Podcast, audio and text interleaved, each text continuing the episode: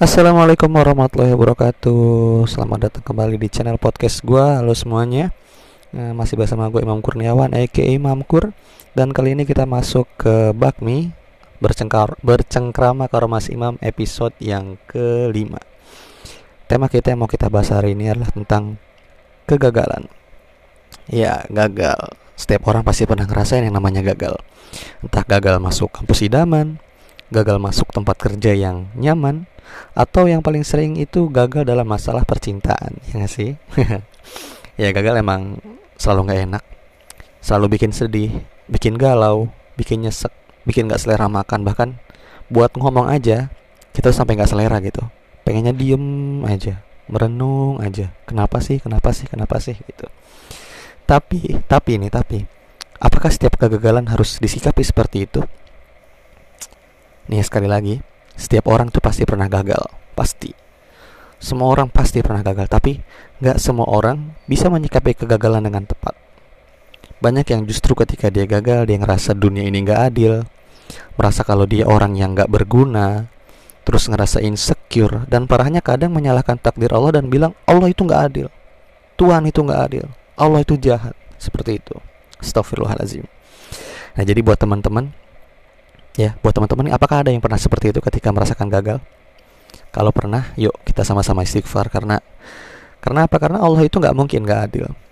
Allah itu kan salah satu sifatnya adalah al-adil atau maha adil. Cuma kita aja yang seolah ngerasa pantas, kita terlalu berekspektasi.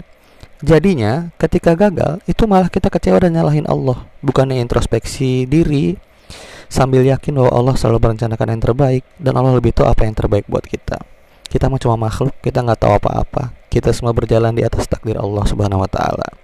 Ya gak sih? Kalau ada yang pernah kita menyalahkan Allah karena kegagalan kita menyalahkan takdir Allah yuk kita sama-sama istighfar. Nah di sini gue ada beberapa hal yang gue saranin ya. Buat menyikapi kegagalan biar nggak terlalu kita tuh ngerasa kecewa gitu. Ya.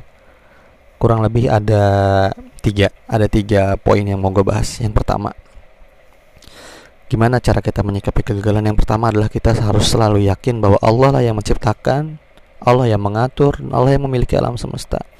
Termasuk menciptakan takdir dan mengatur rezeki yang kita dapatkan.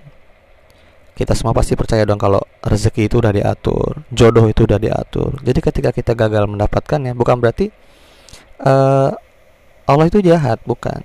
Tapi emang Allah tuh lebih tahu yang terbaik buat kita gitu. Dan semua itu udah diatur sama Allah. Allah nggak akan pernah salah takar dan Allah juga nggak akan pernah uh, membuat rezeki atau jodoh kita tuh tertukar nggak akan pernah. Yang kedua, cara kita menyikapi kegagalan adalah selalu sabar dan selalu berusaha buat nyari hikmah di balik setiap kegagalan. Karena setiap fenomena yang nggak enak nih atau setiap kegagalan itu pasti nih, pasti ada hikmah yang menyertainya, pasti itu. Nggak mungkin nggak Cuma, cuma nih yang jadi masalah kadang-kadang akal kita ini terbatas gitu. Kita belum bisa dapetin hikmahnya.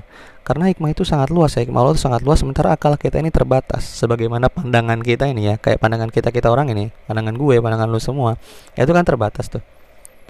Sama akal kita pun ada batasnya dan kadang-kadang kita tuh belum bisa meraih hikmahnya. Nah, terus gimana tuh cara biar kita tetap dapetin hikmahnya? Biar kita tahu hikmahnya? Yaitu tadi sabar nanti ini nanti seiring waktu berjalan lu juga bakal tahu kok hikmahnya apa oh nanti ya di suatu waktu lu akan berkata oh ternyata ini maksudnya kenapa waktu itu gue gagal intinya sabar dan selalu yakin bahwa akan ada hikmah di balik setiap kegagalan, setiap musibah, setiap fenomena gak enak itu pasti ada hikmahnya. Dan Allah lebih tahu, sementara kita enggak. Gitu. Yang ketiga, kita harus perbanyak muhasabah. Muhasabah itu maksudnya introspeksi diri ya. Karena bisa jadi rezeki kita itu Allah sempitkan karena banyaknya dosa-dosa kita. Kan ada tuh ayatnya wa ma asabakum min musibatin fa bima kasabat aidikum. Bahwasanya sebagian besar musibah yang menimpa manusia itu karena dosa-dosa kita gitu. Jadi itulah kita harus coba banyak-banyak istighfar biar Allah ampuni dan semoga Allah lapangkan rezeki kita. Gitu. Oke okay guys, jadi mungkin itu aja kira-kira sikap dalam menyikapi kegagalan yang bisa gue saranin.